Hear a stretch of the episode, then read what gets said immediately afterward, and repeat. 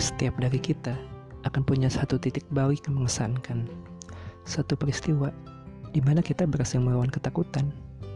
Bermula dari situ, kita jadi bisa memahami bahwa ternyata ketakutan hanya sugesti yang sebenarnya akan bisa menjadi mudah jika kita berani hadapi.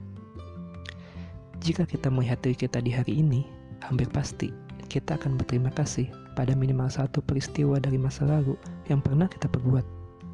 Tanpa itu, mungkin kita tidak akan seberani sekarang, tidak akan sekuat sekarang, juga tidak akan sedewasa sekarang. Mungkin itu sebabnya seseorang bisa berubah.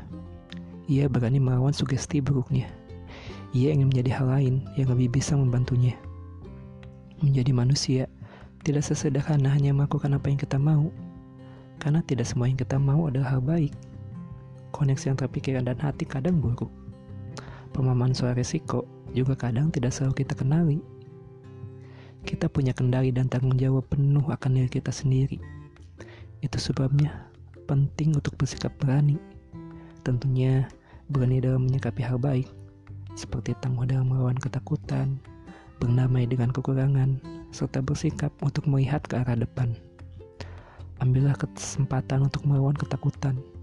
Jadikan itu titik balik untuk melawan sedikit perubahan agar kita bisa menjadi manusia yang beruntung, yang bisa mengambil banyak pelajaran dari setiap momen kehidupan.